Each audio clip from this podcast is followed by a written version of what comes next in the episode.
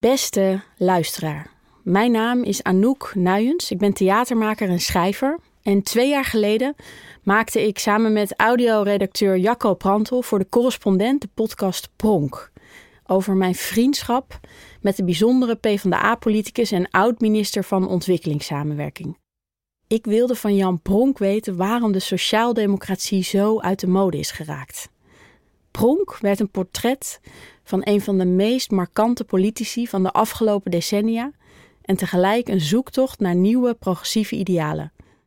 Van luisteraars hoorde ik dat ze geïnspireerd waren. Iemand mailde mij of Pronk niet terug de politiek in wilde, of ik dat hem kon vragen. Kon hij niet de Bernie Sanders van de lage landen worden? Maar Pronk wilde er niets meer mee te maken hebben. Hij zegde in 2013 zijn lidmaatschap op. Hij vond dat de PvdA zich te ver had verwijderd van de beginselen van de sociaaldemocratie. Maar dat was toen. En nu is de PVV van Geert Wilders de grootste. En is Pronk weer lid van de PvdA, die inmiddels samenwerkt met GroenLinks. Hoe kijkt hij naar de winst van extreem rechts? En wat zou progressief Nederland volgens Pronk kunnen doen? Ik zocht hem weer op in zijn huis in Den Haag voor een nieuw gesprek. Daarin hoor je waarom hij vindt dat alle linkse partijen samen een radicale tegenmacht moeten vormen, waarbij ze het eens moeten worden over een aantal kernwaarden. Als je elkaar daarin vindt, al dus Pronk, kan die tegenmacht uitgroeien tot een brede maatschappelijke beweging. Er ligt een visionair, groot en meeslepend verhaal te wachten, zegt Pronk.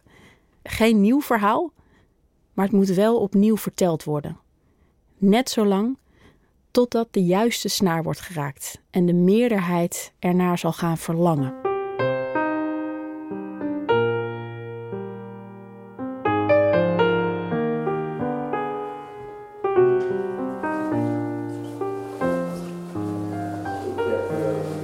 Ik ga even langzaam voor, dit is voor jou. Ja, deze is voor mij. We lopen de trap op richting zijn studeerkamer. Hij heeft de verwarming al aangezet en de koffie staat klaar. Gaan we in je werkkamer zitten? Ja, en doen we dat. Ik heb het eh, ook warm gemaakt. Oh ja, lekker. Ja. Dus jij zat beneden voor de televisie. Ja. Toen kwamen die, eh, kwam die exit poll binnen. En wat, wat, ehm, wat dacht jij toen? Nou ja, ik was nogal teleurgesteld. En toen ben ik een poosje blijven kijken naar reacties eh, van de verschillende partijleiders. En eigenlijk eh, hebben we de televisie gauw uitgezet, want we wisten het wel. Ehm, er kwam ook weinig zinnigs uit, vond ik. Beschrokken wel. Ja, toen besloot je eh, wel na die verkiezingsuitslag om, ehm, om weer lid te worden van de, Ja, de dag daarna. de dag daarna. De dag daarna heb ik dat beslist. En toen dacht ik, zal ik een brief schrijven. Tien jaar geleden, in 2013, was ik vertrokken. Ik ben tien jaar geen lid geweest van de Partij van de Arbeid... nadat ik 49 jaar en zeven maanden wel lid was geweest. En dat was een hele beslissing destijds. Ik nam die beslissing toen omdat ik vond dat de Partij van de Arbeid sociaal-democratische waarden en beginselen verkwanselde. Maar nu, en daarin heb ik al aangegeven, links moet samenwerken. Want het gaat om democratie en recht. En niet alleen maar om sociaal-democratische beginselen met betrekking tot de kwaliteit van de samenleving en de sociale zekerheid. Het gaat ook om democratie en recht dat is nu zozeer ter discussie komen te staan eh, door deze verkiezingsuitslag, dat daags daarna ik beslist heb om mij maar weer aan te melden als lid van de Partij van de Arbeid. Met de opmerking: mijn argumenten van destijds staan nog recht overeind, maar het gaat nu over iets anders. Ja.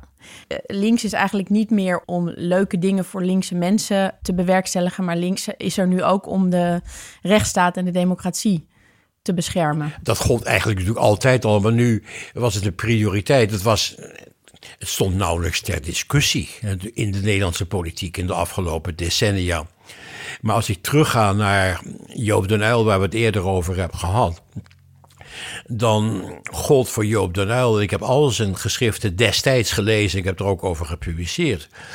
Als je zou moeten kiezen tussen iets wat van belang is in socialistisch opzicht. Of iets wat van belang is om de democratie te versterken, dan moet je voor dat tweede kiezen. Hij was nog meer een democraat dan een socialist. Het zijn geen twee tegenstrijdige doeleinden, maar er liggen soms prioriteiten. Gegeven de problemen die zich voordoen. Dat heb ik altijd goed begrepen en goed uh, geprobeerd na te leven. En dat betekent dus nu voor mij dat op dit moment, nu rechtsbeginselen, democratie, mensenrechten. En wat Bontebal zo mooi zegt, hè, het democratisch ethos, dat gaat verder dan wetten en regels en instituties, zozeer ter discussie wordt gesteld.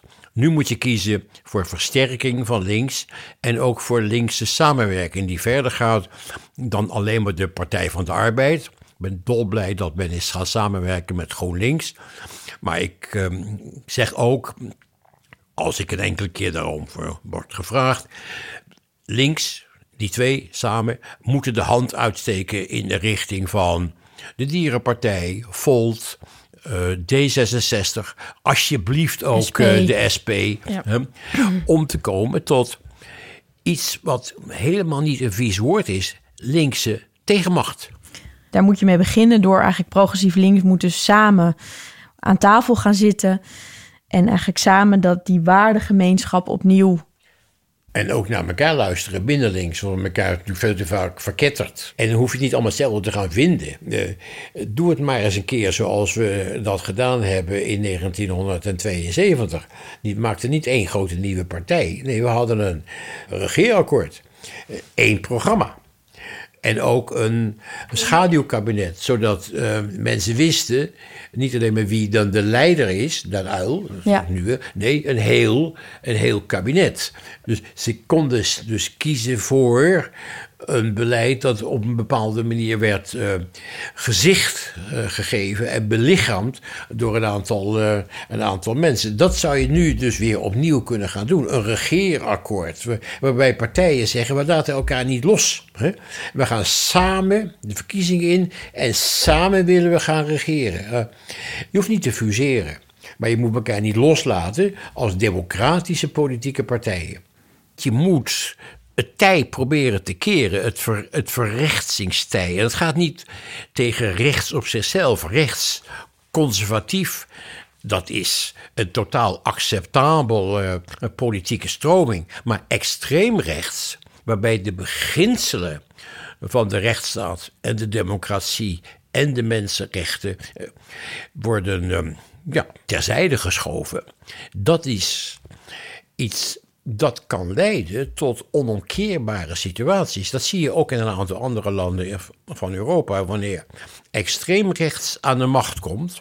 En extreemrechts is rechts dat geen waarde hecht aan die drie beginselen dan kunnen er met democratische middelen, als men de meerderheid heeft, in een coalitie of wat dan ook, beslissingen worden genomen om instituties te veranderen, de grondwet te veranderen, andere rechters te benoemen, beslissingen te nemen met betrekking tot het beëindigen van de vrijheid van meningsuiting eh, via de radio en televisie en dergelijke, die onomkeerbaar zijn of die heel moeilijk weer terug te ploegen zijn. Dat is een kantelpunt en dat zou je moeten voorkomen. Het gaat niet tegen rechts, het gaat tegen extreem rechts.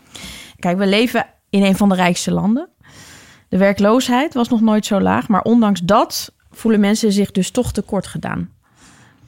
Ja, ik waak er ook tegen om mensen die gestemd hebben op de PVV of anderszins, um, te bestempelen als uh, racisten, fascisten en dergelijke. Uh, want er kunnen redenen zijn om je daartoe aangetrokken te voelen, die te maken hebben met volkomen gerechtvaardigde onvrede. En er zijn natuurlijk talloze verklaringen geprobeerd te geven voor deze verkiezingsuitslag.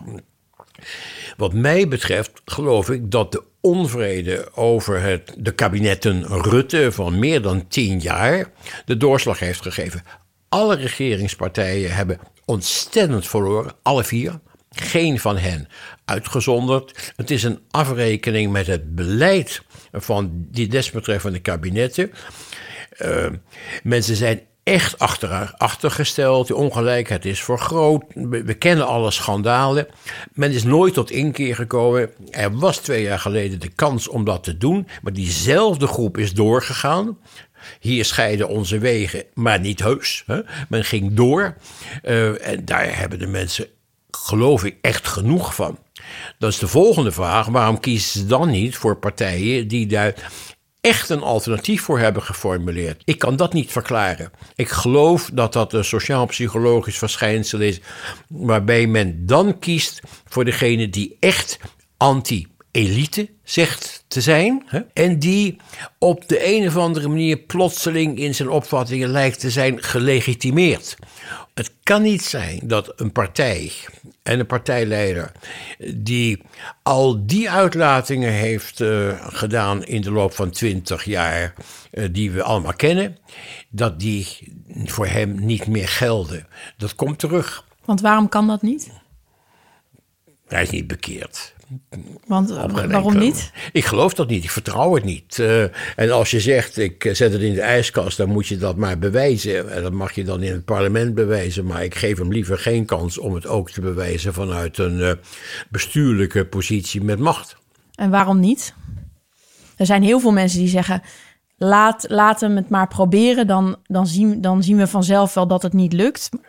Politici horen te begrijpen dat mensen bang zijn. We waren niet echt bang omdat we altijd zeker waren dat het niet zou gebeuren. En nou hebben we die zekerheid niet meer. Nou, dat is verschrikkelijk. Nu is het aan het gebeuren. We zitten in het formatieproces. Maar heb jij ooit eerder meegemaakt dat een verkenner uh, concludeert dat er eerst moet onderzocht worden of de betrokken partijen het met elkaar eens zijn dat de grondwet en mensenrechten en de rechtsstaat moeten worden gerespecteerd? Is dat nou, dat is een voorbeeld van dat rare afgeleide, wat ik van Plasterk, als, zeker als Partij van de Arbeid lid, uh, niet had verwacht. Dan kan hij zeggen, ik heb een neutrale positie als verkenner. Maar nee, een verkenner heeft te verkennen. Hij heeft niks verkend. Hij is uh, meegegaan met een stelling dat de meerderheid toch heeft gesproken. De meerderheid heeft zich inderdaad uitgesproken voor een bepaalde samenstelling van het parlement. Maar daaruit vloeit geen zins vanzelfsprekend voor dat die partijen deze coalitie zouden moeten gaan vormen. En wat hij niet heeft verkend, is de mogelijkheid dat alle partijen die zich wel willen baseren op de grondwet, het democratische ethos zoals dat geldt, samen een coalitie zouden gaan vormen. Er zijn veel meer opties dan hij heeft onderzocht. Ik vind dus eigenlijk dat Plasterk als verkenner een scheve schaats heeft gereden. Mhm. En niet meer heeft verkend, maar een pion is geworden van de grootste partij. Ja, ja. Vind jij dat de progressieve partijen op dit moment meer, uh, zeg maar, actiever zich zouden moeten bemoeien met het formatieproces of meer daarover zich zouden moeten uitspreken? Spreek uit, ik ben bereid om samen over mijn eigen schaduw te springen, hè, om samen met andere democratisch gezinde partijen een coalitie te vormen. Dus die optie is er. De afgelopen jaren vond ik dat er te weinig oppositie is gepleegd. Um, de Partij van de Arbeid en GroenLinks waren ontzettend aardig. Ze hebben in het kabinet Rutte 3 uh, eh, hebben ze het kabinet geholpen overeind te houden. Om begrijpelijke redenen. Hè. Nederland moet toch geregeerd worden. Ze hebben niet keihard geopponeerd. Uh, mensen zullen zich nog wel herinneren dat Partij voor de Arbeid en GroenLinks allebei een mogelijkheid vormden. En mevrouw Kaag was er ook voor, maar Rutte wilde dat pertinent niet echt niet meer. En mevrouw Kaag is toen uh, ja, gezwikt, want Nederland moet toch bestuurd worden. Partij van de Arbeid en GroenLinks waren toen bereid om nogal wat in te leveren. om in zo'n coalitie samen op te kunnen trekken met ehm, de VVD. De VVD maakte keihard duidelijk: nooit met de Partij van de Arbeid. Nou. Dan had de Partij van de Arbeid daaruit moeten begrijpen dat echt nu de tijd was voor goed oppositie plegen.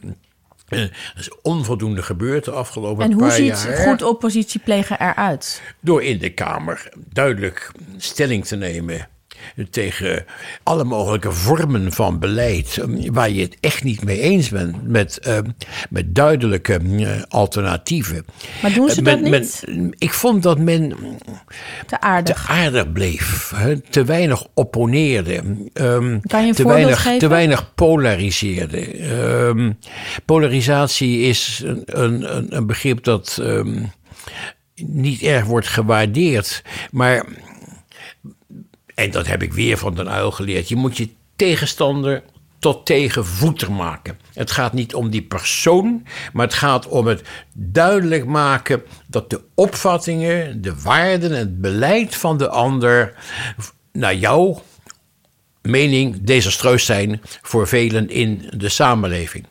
Nou, nu zie je bij deze coalitievorming dat de opvolger van Rutte van het begin af aan heeft gezegd nooit met de Partij van de Arbeid. Ik begrijp dat niet. Ehm, ik kan me voorstellen dat je een paars niet wenst te herhalen. Maar de manier waarop het werd gezegd was alsof links iets objects was geworden. Hè? Alsof alles te prefereren was, zelfs een niet-democratische partij als de PVV boven links. Nou, dat gevoel, die idee, die, dat wordt de samenleving ingebracht vanuit de VVD. En eigenlijk wordt dat ook door omzicht eh, toch omarmd door de manier waarop die zich opstelt. Ik vind dat een glijdende schaal gaan worden. En daar hoor je je gezamenlijk tegen te verzetten. En als links dus voortdurend maar weer naast elkaar blijft opereren. Hè, en niet echt samenwerken, dan, dan komt men niet meer aan de bak. Ik heb een toespraak mogen houden een, eh, een maand geleden eh, of ietsje langer. eh, in het kader van de Max van der Stoel Stichting van de, de Partij van de Arbeid. Waarin ik heb gezegd: stel nou dat het volgende week, het was een week voor de verkiezingen, fout gaat. Dan moet je de dag daarna samen gaan zitten met alle progressieve partijen om een strategie te ontwikkelen voor de volgende keer. Nou, Ik heb de indruk dat dat nog niet het geval is. Dat dat nog niet gedaan is. Je moet actiever zijn. Ja. Dus dat is de oproep aan links. Zeker. Dat is stap 1. Het gaat om de inhoud van de boodschap, maar het gaat nu ook om het, de strategie om te komen tot linkse tegenmacht. Het gaat niet om macht, maar tegenmacht. Het tij moet gekeerd worden.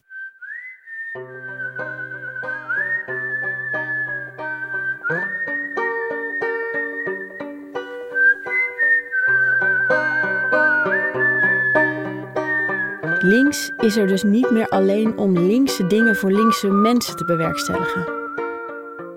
Links in Nederland staat nu voor de opdracht om democratische waarden en grondbeginselen te verdedigen. Pronk legt uit dat dat eigenlijk voor het hele Westen geldt. En het tij eh, moet gekeerd worden, niet alleen in Nederland overigens, want ik ben bang voor verrechtsing. En dat is dus extreme verrechtsing in heel Europa. En dat zien we dus gebeuren in Frankrijk. In Duitsland ben ik ook tamelijk bevreesd. Oostenrijk, Italië is het al het geval geweest. Griekenland. Eigenlijk in de Scandinavische landen eh, is het een beetje vanzelf gegaan. Daar kijken weinigen naar in de rest van Europa. Maar dat is totaal anders dan, dan destijds. Toen was het een sociaal-democratisch eh, deel van Europa. In, gelukkig is het net kantje boord goed gegaan in Polen. Maar niet eh, in Hongarije. Waarschijnlijk ook niet in, in, in Slowakije. Wel, dat betekent dat in heel Europa de waarden van democratie en recht en gelijkheid en mensenrechten en non-discriminatie ter discussie komen te staan op een manier die wellicht ook voor Europa in zijn totaliteit een kantelpunt gaat, gaat vormen. Nou, heeft Nederland daar een rol bij? We zeggen altijd dat we weinig in de melk te brokkelen hebben, maar dat is niet zo. De waarden die Nederland heeft uitgedragen binnen Europa waren niet maatgevend, maar er werd altijd wel extra naar geluisterd. Juist omdat we niet zo groot waren en ook niet verwaarloosbaar klein. En omdat we ons altijd toch stelden op dat uitgangspunt. Het is een taak van Nederland om de internationale rechtsorde te handhaven. Het is een taak van Nederland te spreken over meer gelijkheid in de wereld, uh, mensenrechten en dergelijke. Nou, dat is behoorlijk uitgehold de afgelopen jaren. We hebben een tamelijk schandelijk beleid gevoerd uh, ten opzichte van uh, vluchtelingen, bijvoorbeeld. we zitten bepaald niet meer in de voorhoede. Maar nu we echt kiezen voor de achterhoede. Dat lijkt dus nu te gebeuren. We zitten niet alleen in de achterhoede, maar we kiezen voor de achterhoede. Dat is een bewuste beslissing. Ja, uh, zijn we de mogelijkheden om binnen Europa dat andere geluid volop uit te spreken ook kwijt.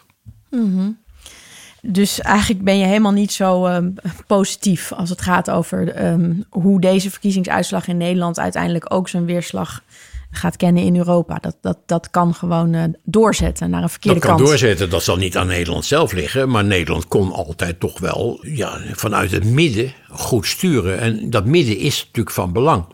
En we kiezen niet meer voor het midden. We kiezen nou voor rechts en er is een middenpositie uh, eigenlijk verdwenen. Um, nou, die heeft Duitsland dan misschien. Maar ook in Duitsland uh, dreigt verrechtsing. Dus ik ben wel bevreesd dat op het terrein van democratie en rechten, mensenrechten en migratie, maar ook bijvoorbeeld op het terrein van de rechten van komende generaties. Dan eh, kom je terecht op het terrein van uh, klimaat, biodiversiteit uh, en natuur. De stappen die we waren gaan zetten, onder meer ook eh, door de inzet van Timmermans, niet meer zetten. Dat we, dat we terug gaan staan, terug gaan lopen in Europa. Want wat gaat er gebeuren als er straks in de Europese Unie vooral extreemrechtse nou ja, extreemrechtse partijen die zeggen dat klimaatbeleid niet nodig is. Uh, dat het allemaal maar uh, waanideeën zijn. Hè, die naar voren worden gebracht door wetenschappers. die zeggen dat vreemdelingen allemaal een bedreiging vormen voor de Europese samenleving. Die zullen weinig meer doen aan het herstel van de natuur binnen Europa die keren zich binnen de Europese grenzen en laten datgene wat zich vlak daarbuiten afspeelt onder druk van Moskou lopen. Nou, dat heeft allemaal behoorlijk wat fundamentele gevolgen voor de Europese veiligheid, de Europese verduurzaming eh, en voor ja, de rechtsbeginselen binnen Europa. Is er een scenario denkbaar dat de Europese Unie dan wordt opgeheven? Of? Er is een scenario dat de Europese Unie verlamt. Want je, je leeft pas als Unie wanneer je verder gaat.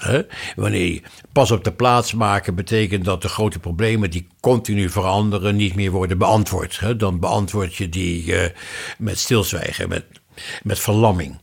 Uh, dat is punt één. Punt twee, ehm, het, het, gebeurt niet allemaal vanuit Nederland, maar het, het gebeurt ook vanuit een aantal andere landen. Uh, Brexit hè, is een soortgelijk verschijnsel. Dat was natuurlijk immenser. Uh, maar dat had als gevolg kunnen hebben dat in landen als Italië soortgelijke stappen werden gezet. Het heeft uiteindelijk ertoe geleid dat landen binnen Europa zich meer aaneen gingen sluiten. Om te voorkomen dat andere landen eruit zouden stappen. Maar het heeft ook in de derde plaats als gevolg gehad dat aan de randen van Europa, met name onder de nieuwe eh, lidstaat, dat ja, veel meer eh, twijfels zijn gaan ontstaan of men nog wel bij Europa zou willen horen. En helaas kiezen die landen alleen nog maar om erbij te blijven omdat ze met gouden koorden aan Brussel vastzitten. Hè? Dus als wij hun lidmaatschap kopen, hm, um, dan is dat op een gegeven moment een teken van zwakte. Gelukkig is de bevolking in een groot aantal van die landen, onder meer in Polen, echt een bevolking die kiest voor Europese waarden. Het gaat niet voor Europa als instelling, maar voor Europese waarden. En voelt zich bedreigd door de tegenovergestelde waarden die op ze worden afgevoerd door hun eigen elites, conservatieve rechtse elites. En ook uh, vanuit, uh, vanuit bijvoorbeeld uh, Moskou. Dat is toch tamelijk wankel. En als er iets wankelt in een van die landen, dan kan je een, ja, een domino-effect krijgen. En dan verlamt dat Europa, maar het kan ook leiden tot uh, eruit stappen. Ja, zo'n Nexit-referendum, als men naartoe gaat beslissen en als men de bevolking gaat mobiliseren dan is het niet zeker dat men niet in staat is om dat te verwezenlijken. De argumenten daarvoor zijn zwak, eh, want Nederland heeft ontzettend veel baat gehad bij Europa en nog steeds. Eh, maar het gaat daar niet alleen om. Het gaat om het overeind houden binnen een grotere groep van landen van de waarden waar we het over hebben. Dat kan je nooit in je eentje. Nee, dus eigenlijk zouden we ook op Europees niveau zouden de progressieve een samenwerkingsverband moeten zoeken. Die gaat vanuit die waardegemeenschap. En die... Ja, dat kunnen landen zijn, hè, zoals dat wel eens gebeurd is. Landen die samen een, ehm, een groep vormen binnen Europa die de zaak gaat trekken. Dat kan. Het kan ook op het grondvlak. Politieke partijen hebben dat in het verleden wel gedaan. Bijvoorbeeld de Socialistische Internationale, maar dat is nogal verzwakt. Eh, een partij als Volt heeft een leuk initiatief genomen door te zeggen: we zijn geen partij van een land. We zijn bij voorbaat al een Europese politieke partij. Dat is toe te juichen.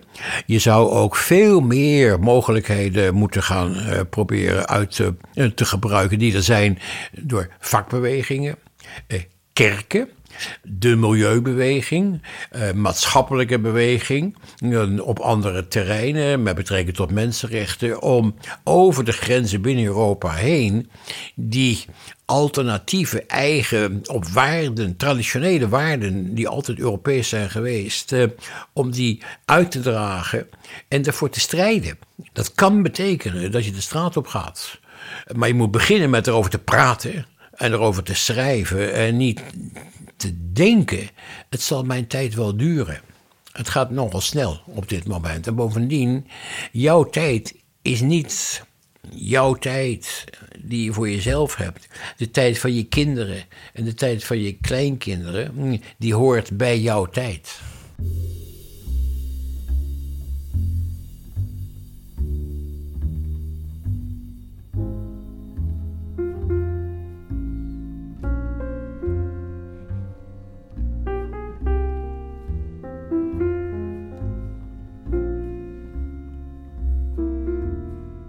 Een links verhaal is ook stappen terugzetten. Stappen terug in het beslag dat we leggen op de kwaliteit van de leefruimte, op de schaarste. Stappen terug ook in, uh, in uitoefenen van macht in de wereld. Maar dat is natuurlijk een heel onaantrekkelijk uh, scenario, denk ik, voor veel mensen. Het gevoel dat je stappen terug moet zetten. Je wil natuurlijk dat mensen. Een goed verhaal doet mensen verlangen ja. om ergens voor te, voor te streven. En dat verlangen, eh, dat zit denk ik niet in het, soort stappen terugzetten. Ik begrijp heel goed uh, dat mensen zich daar onzeker door gaan voelen. Daar waren we mee bezig uh, 50 jaar geleden. Toen de Club van Rome met haar rapport kwam over het, het einde van de, van de groei. Den Uyl heeft toen een, een denktank opgezet. Uh, dat was een politieke denktank uh, onder leiding van Mansholt. En we kwamen met een rapport waarin stond: inderdaad. We zullen de maatschappij moeten hervormen, uitgaande van de gedachte dat het niet meer ongebreideld mogelijk is om door te groeien. Hè? Bij die maatschappelijke hervorming is iedereen nodig. Maar om iedereen zover te krijgen dat hij eraan meewerkt, is een voorwaarde gelijkheid. Want als je zeker weet dat het ongelijk is, dan kom je tot de conclusie dat van iedere maatschappelijke hervorming sommigen zullen profiteren en jij, omdat je behoort tot die onderklasse of wat dan ook, bent daar weer de dupe van. Dus je doet niet mee. Ongelijkheid is een een bron van meer, meer, van meer consumptie, meer behoefte, meer productie. Gelijkheid is een voorwaarde voor overleven. En als je dus niet in politiek opzicht echt heel hard werkt ten gunste van een vermindering van de ongelijkheid. Heel daadwerkelijk op alle mogelijke terreinen. En dat gaat verder dan financiële bestaanszekerheid. Dat heeft veel meer eh, consequenties. Ehm, als je dat niet doet, zal een overgroot deel van de samenleving denken: maatschappijhervorming, ik werk daar niet aan mee. Maar ik geloof dat nu nog veel meer dan destijds het nodig is om te komen tot uh, democratisering van ondernemingen. Zodat mensen binnen Tata en dergelijke echt mee kunnen gaan uh, beslissen. Dat het nodig is om kapitaal ja, niet in handen te laten alleen maar van instellingen die met geld geld proberen te maken. In plaats van dat ze investeren in de kwaliteit van de samenleving. En je zult dus, maar het is misschien een vies woord geworden langzamerhand, maar het, het kapitalisme moeten bestrijden. En dat is onvoldoende gebeurd. Het probleem is dat mensen in de waarde van het kapitalisme geloven, omdat het kapitalisme ze predikt langs alle mogelijke wegen. Grote ondernemingen zijn niet alleen maar productieondernemingen, ze zijn ook financiële instellingen. Want financiële instellingen beheersen grote ondernemingen. Ze beheersen ook de kanalen van waardenoverdracht, bijvoorbeeld via media. En zij venten waarden uit die voor hen van belang zijn, niet voor jou. Jij moet vinden dat je meer moet willen. Jij moet vinden dat je meer moet consumeren. Jij moet vinden dat groei noodzakelijk is. Dat zijn hun waarden. En ze droppen ze niet alleen maar in de samenleving, ze doen je dat geloven.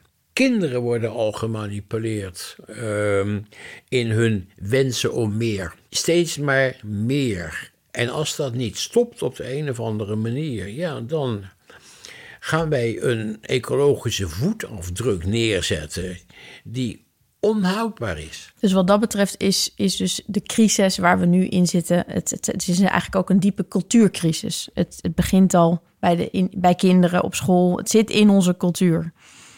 Alles wat met waarden te maken heeft, heeft te maken met cultuur. En je kunt door onderwijs, uiteraard, door uh, mediabeleid, radio, televisie, door bevordering van lezen, kun je waarden uitdragen die te maken hebben met de kwaliteit van samenleven.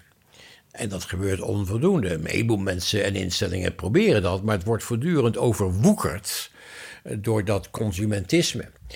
Waarbij bijvoorbeeld nadat we uit die coronaperiode weer oprezen, uh, het oude normaal met kracht weer werd nageschreven. Weer met z'n allen gaan vliegen.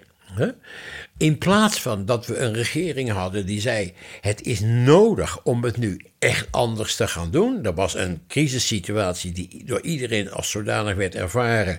En die vormde een vruchtbare bodem voor maatschappelijke hervormingen is ook van de kant van uh, het kabinet Rutte voortdurend gezegd: we moeten zo gauw mogelijk terug naar het oude normaal.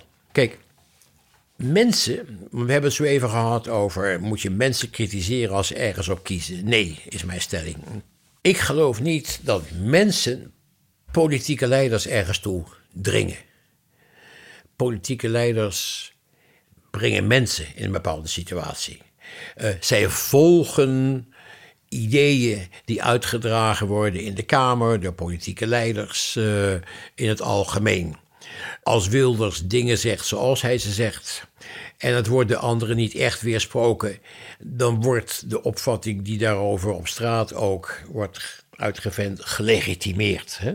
Je volgt de leiding. Ja, want jij hebt mij ook wel eens gezegd: je moet nooit de politiek instappen omdat je politiek zo leuk vindt, maar omdat je een verhaal hebt.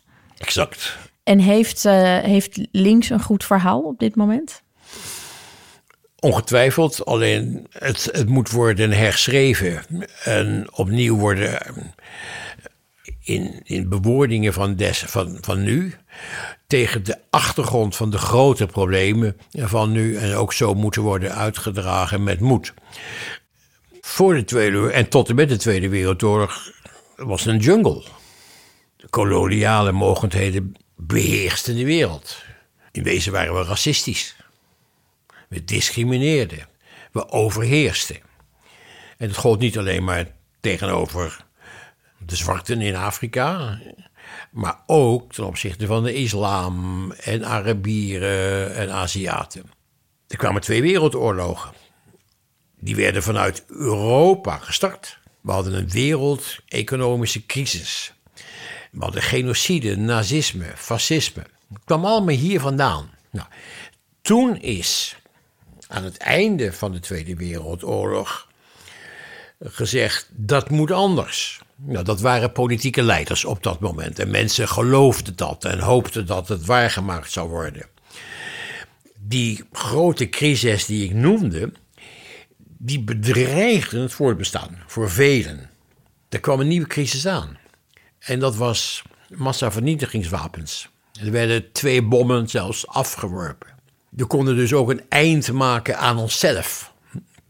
Nou, Eigenlijk was het ontstaan van de Verenigde Naties, van het verdrag van de rechten van de mens, uh, van verdragen om te komen tot uh, ordening van internationale verhoudingen, ook de totstandkoming van de Europese Unie, een institutionalisering van waarden via instituties, recht, uh, met sanctiemogelijkheden en regels om herhaling te voorkomen daarvan. Het tij werd gekeerd.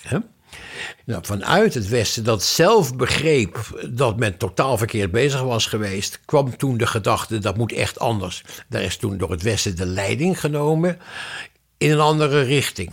De Verenigde Naties maakten daar een wereldwijd systeem van.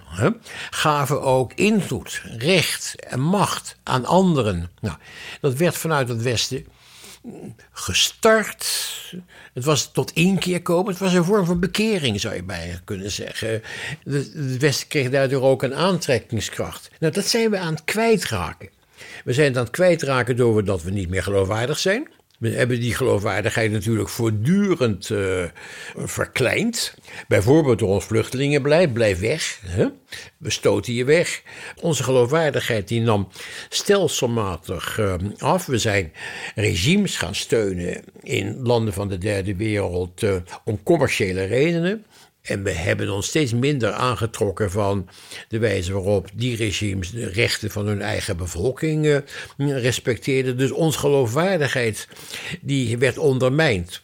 Ik vrees dat we door die manier waarop we vanuit het Westen op een onvoorwaardelijke manier zijn gaan staan achter de wraak van Israël op de Palestijnen in Gaza nu het laatste greintje geloofwaardigheid kwijt zijn geraakt. Eh, dat je Israël het bestaansrecht daarvan overeind houdt, houdt, dat is voor mij vanzelfsprekend. Dat heeft te maken met de manier waarop we uh, verantwoordelijk zijn geweest uh, voor, de, voor de holocaust en de genocide.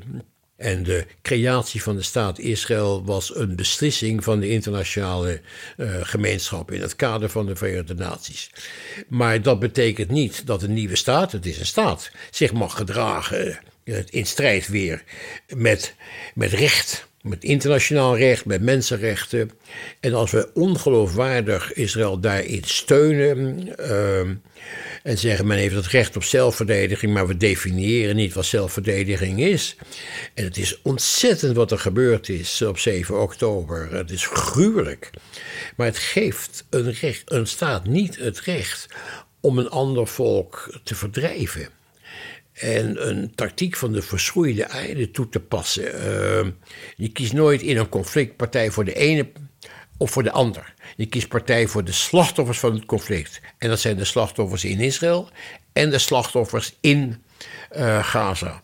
En het feit dat wij voortdurend zeggen: nog maar geen vrede, ga nog maar even door, maak nog even maar meer slachtoffers. Dat is zozeer in strijd met de geloofwaardigheid um, van, uh, van het Westen zelf, die we hebben opgebouwd in het verleden. Dat dit voor velen in de derde wereld gaat gelden als ja, Het laatste geintje. Hè?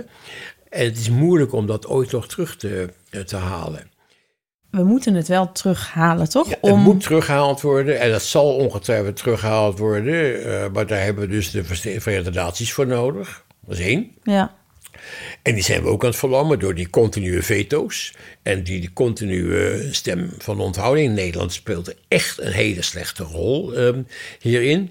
Het kan worden teruggehaald door bijvoorbeeld te luisteren naar vredesvoorstellen van de kant van Arabische landen. Er zijn vredesvoorstellen gedaan, eigenlijk al heel lang. Vanaf 2000 door de Arabisch-Islamitische wereld. En die namen we dan niet serieus, want het waren maar Arabieren, het waren maar Islamitische landen. En hun vredesvoorstellen die, uh, die waren van hun. En wij kozen voor onze eigen weg. Uh, we zullen daarnaar moeten luisteren. En we zullen nu moeten beginnen met voorop te stellen internationaal een einde aan het geweld. En als er een einde is aan het geweld, dan kan je praten. En dan zou je moeten gaan praten. Maar je moet eerst een einde maken aan het geweld. En dat je dat niet beseft dat Rutte dat niet wenst te beseffen. Het geweld moet maar even doorgaan, want dan kan de afschrikking doorgaan. Het zijn allemaal uitspraken in strijd met, uh, met Europese waarden en ook met Nederlandse waarden. En die, dat laatste greintje geloofwaardigheid, dus van het, van het Westen, dat heeft een direct verband, wat jou betreft, ook met de verkiezingswinst van de PVV. Ja, ik vind dat er nu twee kantelpunten zijn. Het kantelpunt van de, het laatste geintje geloofwaardigheid van het Westen in haar houding ten opzichte van het zuiden. Het zuiden gelooft het niet meer. Hè? En vele mensen die zich met het zuiden verwant voelen, denk maar bijvoorbeeld aan zwarte minderheden in de Verenigde Staten, maar ook in talloze andere landen, die geloven er ook niet meer in. En het Westen gelooft niet meer in haar eigen waarde, verkwanselt haar eigen waarde. Dat tweede kantelpunt. Die twee kantelpunten die versterken elkaar. Dus ik vind wel dat we momenteel in een gevaarlijke situatie terechtgekomen. Ik zou me zelfs kunnen voorstellen, er zijn toch ook al de eerste tekenen van, dat de steun vanuit een groot deel van het zuiden van de wereld voor de westerse opvatting met betrekking tot de vrede en democratie in Oekraïne ook is verdwenen. Oekraïne lijkt de strijd in Gaza te hebben verloren. Ze hebben nog wel een beetje steun van het Westen, maar die kalft af door de interne verhoudingen in het Westen. En omdat men in het zuiden het, de visie van het Westen op vrede en democratie en recht in Europa niet meer wenst te accepteren. En het eigenlijk helemaal niet zo erg vindt dat Poetin een oorlog is gestart in Oekraïne. Waarom zou dat erg zijn? Want al die andere oorlogen die zijn gestart, die door Europa eh, wel eh, zijn um, veroordeeld, um, die gaan maar door.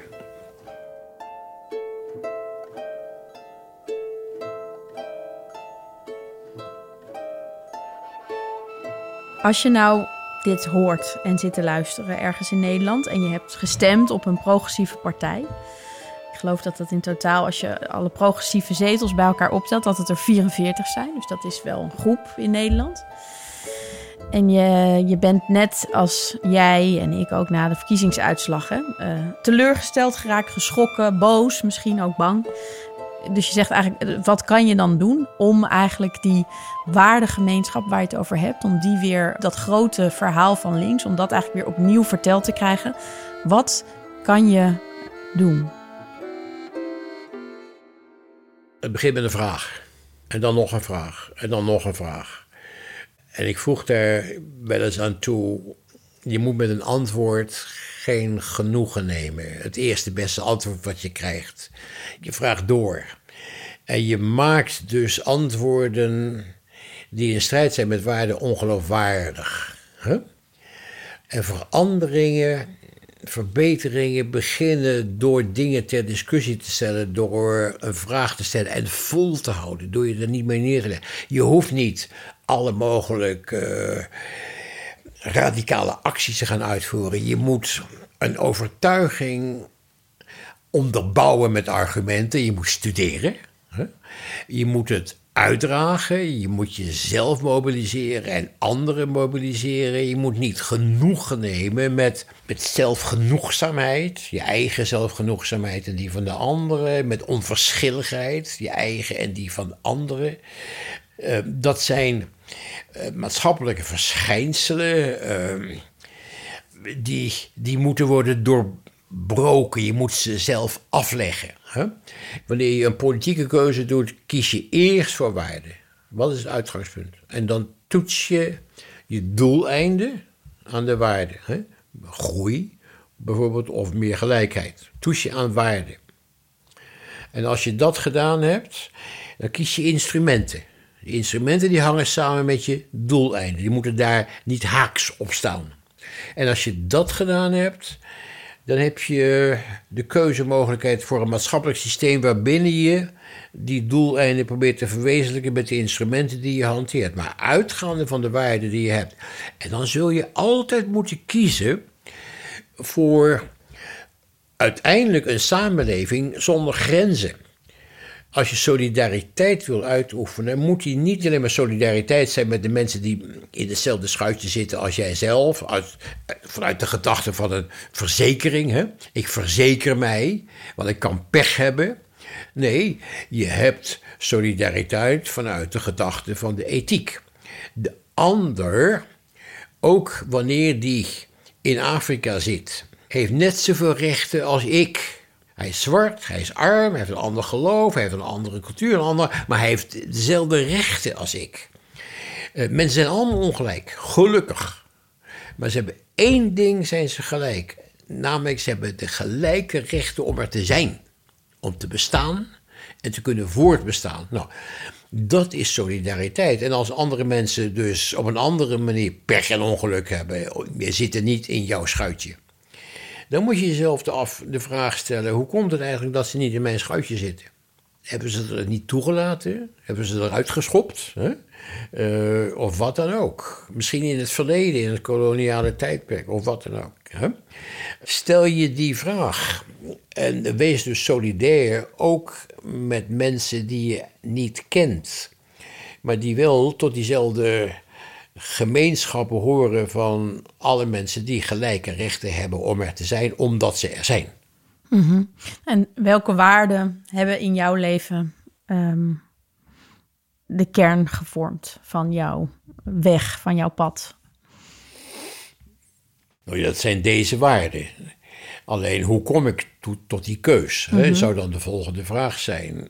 Tijdens mijn studie economie heb ik mij zeer verdiept in dit soort onderwerpen. Waardesystemen, doeleinden, instrumenten, economische orde, internationale verhoudingen uh, en dergelijke.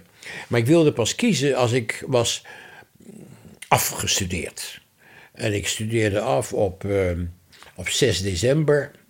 Ik had helemaal gepland trouwde op 12 december en op 31 december schreef ik een brief aan de Partij van de Arbeid. Ik meld me nu aan als lid. Ik ben een planner. Maar dat betekende ook, vond ik, dat ik een keuze deed op basis van goed bestudeerde gronden. Ik had mezelf de tijd gegeven om echt te kiezen. Ik had de kans gehad om, om na te denken. En dan heb je hiervoor bewust gekozen. En dan kies je dus ook voor een, een beleid en een systeem waarin je die waarden, die we net noemden, hm, en die helemaal niet uniek zijn, socialistisch. Nee, het zijn menselijke waarden die we eigenlijk ook in het kader van de Verenigde Naties en zelfs al van de Franse Revolutie, met dat echte liberalisme ook hebben gepredikt. Um, jij hebt ze dus je nooit losgelaten. Heel, jij hebt nee, ze nooit los... ze, nee je, je voegt er wat aan toe. Ik had in het verleden veel minder inzicht in natuur en, en verhouding tussen mens en natuur. En veel minder kijken op de toekomst. Dat heb ik pas weer geleerd in het kader van bestudering van de rapporten van de Club van Rome. Het ging mij in eerste instantie ook om die politieke uh, en burgerrechten. En toen, kwam die idee over decolonisatie en sociaal-economische rechten kwamen erbij. Dus je blijft studeren, je blijft luisteren. En je, je houdt niet vast aan je eigen gelijk. Je probeert het gelijk van anderen ook serieus te nemen, um, zodat je samen verder komt. Dat heeft mij ertoe gebracht om bijvoorbeeld een aantal jaren echt te geloven dat de Dierenpartij het juiste verhaal had op langere termijn. En ik hoop dat de Sociaaldemocratie in de Partij van de Arbeid ongeveer datzelfde verhaal eh, gaat, uh, gaat aanhangen en, en uitdragen. Ja, want hoewel ze dus nu samen optrekken, zijn, ehm, zijn er wel verschillen. Dus de, de PvdA staat, of opereert ook vanuit die sociale gelijkheid en GroenLinks meer vanuit natuur en klimaat. Ja. En daartussen is soms ook spanning. Ja, en die zou er niet moeten zijn, begrijp het wel. Maar in wezen zijn het twee kanten van dezelfde zaak. Je kunt niet uh, sociaal-economische gelijkheid uh, nastreven wanneer je niet nadenkt over de toekomstige generaties, waar wie dat ook geldt.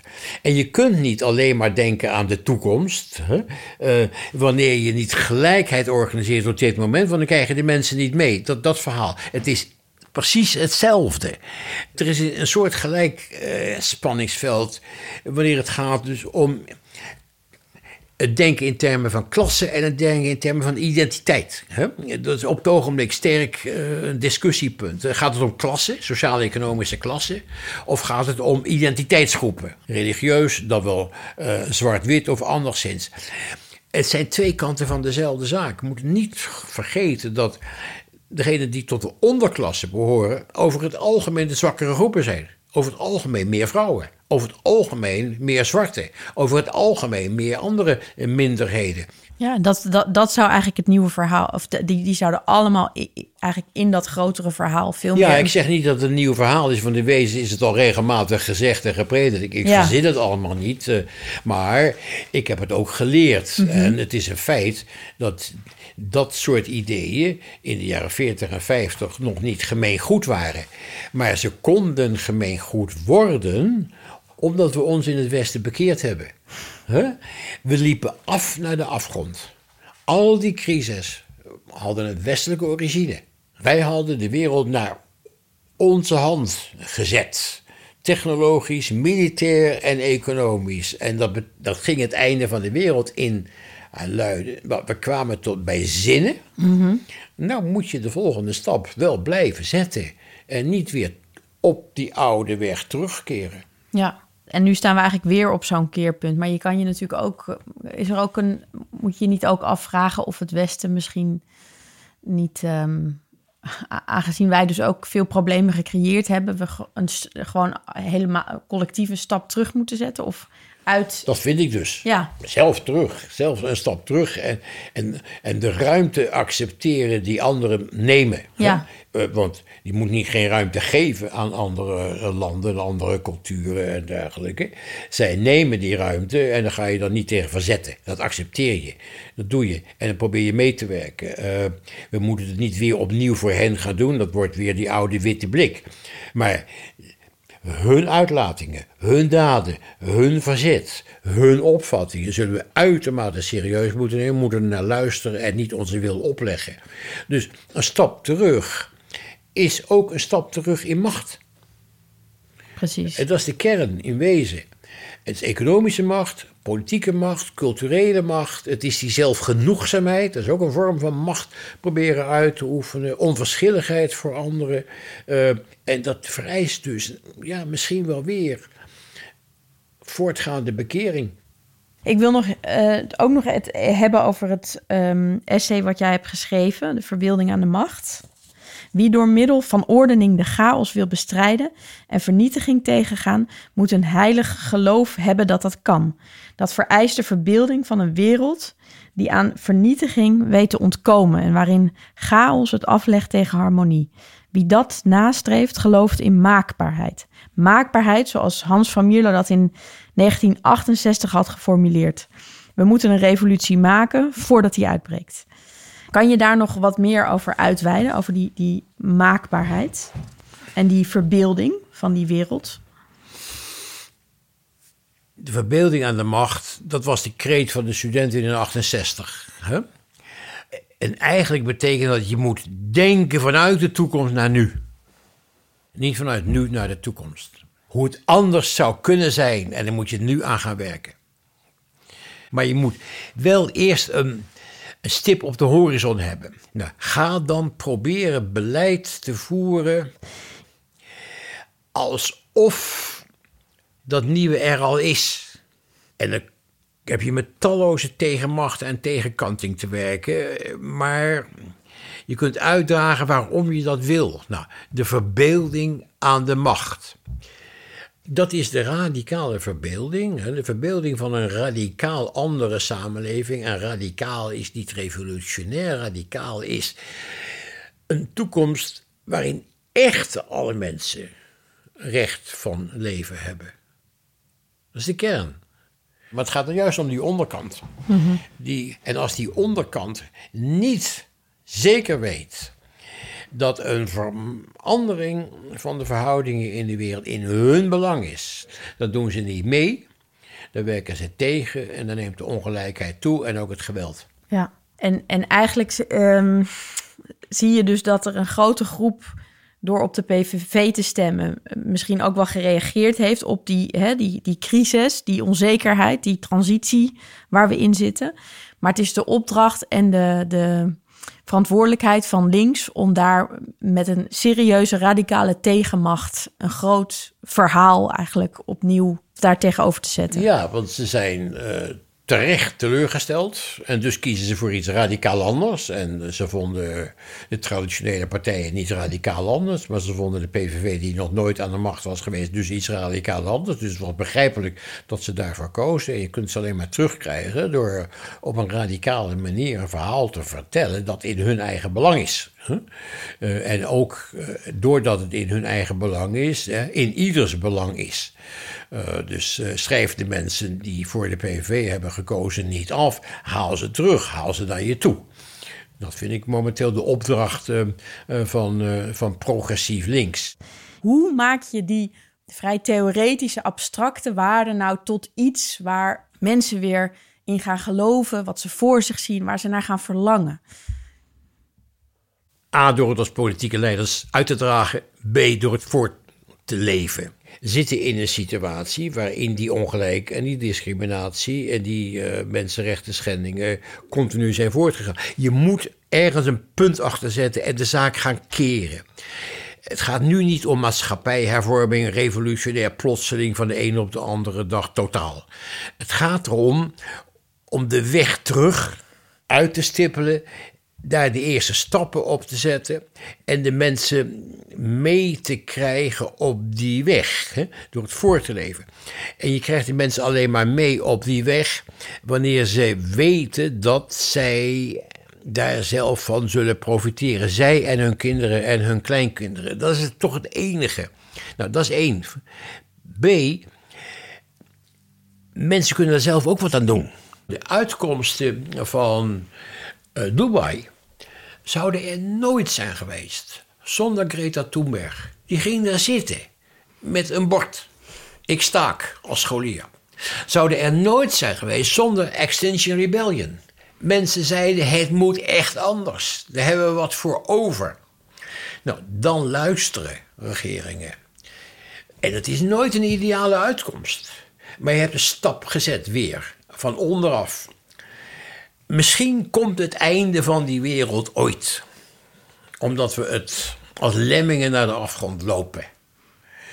Um, we verknoeien het. Maar je kunt het uitstellen. Stel het einde, de catastrofe. Hè? Stel die met een dag uit. En morgen stel je het weer met een dag uit. En daarna weer. En je gebruikt de tijd die je wint door dat uitstel om anderen en jezelf te, motiveren en te mobiliseren om verder te gaan, dan kan dat dagelijkse uitstel van ellende en catastrofe op een gegeven moment misschien wel eens tot afstel leiden. Nou, dus hoef je niet te wanhopen. De hoop kan je zelf waarmaken door je eigen actie.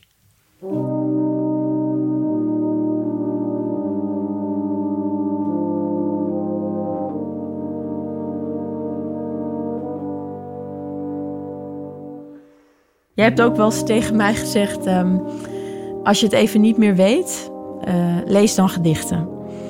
Ik heb jou uh, gevraagd om, uh, om met een gedicht af te sluiten. De eeuw loopt ten einde. Hij zou beter zijn dan vorige eeuwen, onze twintigste. Dat kan hij niet meer waarmaken. Zijn jaren zijn geteld. Zijn tred is wankel, zijn adem kort. Er is al te veel gebeurd wat niet had mogen gebeuren. En wat had moeten beginnen is niet begonnen. De lente zou naderbij komen en het geluk onder andere. De vrees zou stad en land verlaten. En eerder dan de leugen zou de waarheid haar bestemming bereiken. Bepaalde rampen zouden nooit meer plaatsvinden. Oorlog bijvoorbeeld, en honger enzovoort. De weerloosheid der weerlozen, het goede vertrouwen en dergelijke zouden worden gerespecteerd. Wie vreugde uit de wereld wilde pitten, staat nu voor een taak die onuitvoerbaar is. Domheid is niet komisch, wijsheid is niet vrolijk. De hoop is niet meer dat jonge meisje, etc. Helaas. God zou eindelijk gaan geloven in een mens die goed en sterk is. Maar goed en sterk zijn nog altijd twee mensen. Hoe moet ik leven? las ik in een brief van iemand aan wie ik van plan was hetzelfde te vragen. Opnieuw en als altijd zijn er, zoals uit bovenstaande blijkt, geen dringender vragen dan naïeve vragen. Heel veel dank voor het luisteren. Dit was een gesprek met Jan Pronk dat ik samen maakte met audioredacteur Julius van Eiperen. Wilt u meer horen? Luister dan Pronk, de podcastserie die ik samen met Jacco Prantel maakte, waarin ik met Jan Pronk onderzoek hoe het kan dat de sociaaldemocratie zo uit de mode is geraakt. De politieke stroming die nog niet zo lang geleden massa's mensen op de been kreeg en het gevoel gaf dat de wereld echt beter kon worden. Een portret van een van de meest markante politici van de afgelopen decennia en tegelijk een zoektocht naar nieuwe progressieve idealen. Luister alle drie de delen in je podcast-app of op decorrespondent.nl. Heb je genoten van dit verhaal? Overweeg dan om lid te worden van de correspondent. Dat kan al vanaf 9,50 euro per maand. Ga naar decorrespondent.nl slash wordlid.